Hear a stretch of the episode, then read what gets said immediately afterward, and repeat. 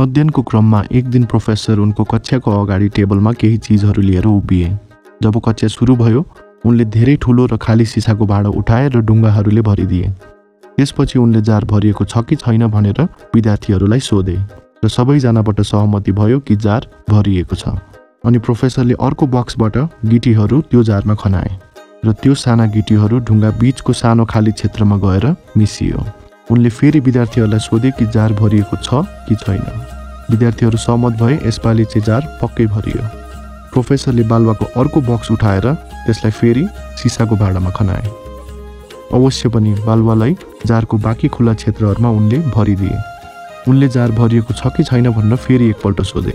विद्यार्थीहरूले एकसाथ भरेको छ भनेर जवाफ दिए।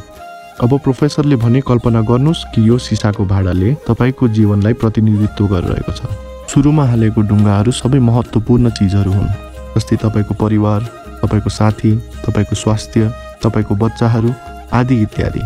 यदि तपाईँसँग भएको सबै चिज हरायो र मात्र यही चिजहरू बाँचे भने तपाईँको जीवन अझै पूर्ण हुनेछ। केटीहरू सबै अन्य चिजहरू हुन् जस्तो तपाईँको काम तपाईँको घर तपाईँको कार अरू सबै भौतिक चिजहरू र बालुवा अरू सबै थोको साना सामानहरू।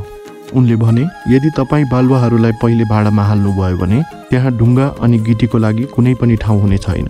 यही तपाईँको जीवनको सन्दर्भमा हेर्ने हो भने यदि तपाईँ आफ्नो सबै समय साना कुराहरूमा खर्च गर्नुहुन्छ भने तपाईँसँग महत्त्वपूर्ण चिजहरूको लागि कहिले पनि ठाउँ हुने छैन। जीवनमा ती चिजहरूमा ध्यान दिनुहोस् जुन तपाईँको खुसीको लागि महत्त्वपूर्ण छ। आफ्नो बच्चाहरूसँग खेल्नुहोस् तपाईँको परिवारसँग समय बिताउनुहोस्। त्यसो गर्दा सधैँ काममा जान घुम्न जान र अरू सबै कामको लागि पनि समय बाँकी हुन्छ। पहिले ढुङ्गाहरूको ख्याल राख्नुहोस्। यी चिजहरू साँच्चीकै फरक पर्दछ। तपाईँको प्राथमिकताहरूमा ध्यान दिनुहोस्। बाँकी त सबै बालुवा हुन्। Set your priorities right. Rest are just sand.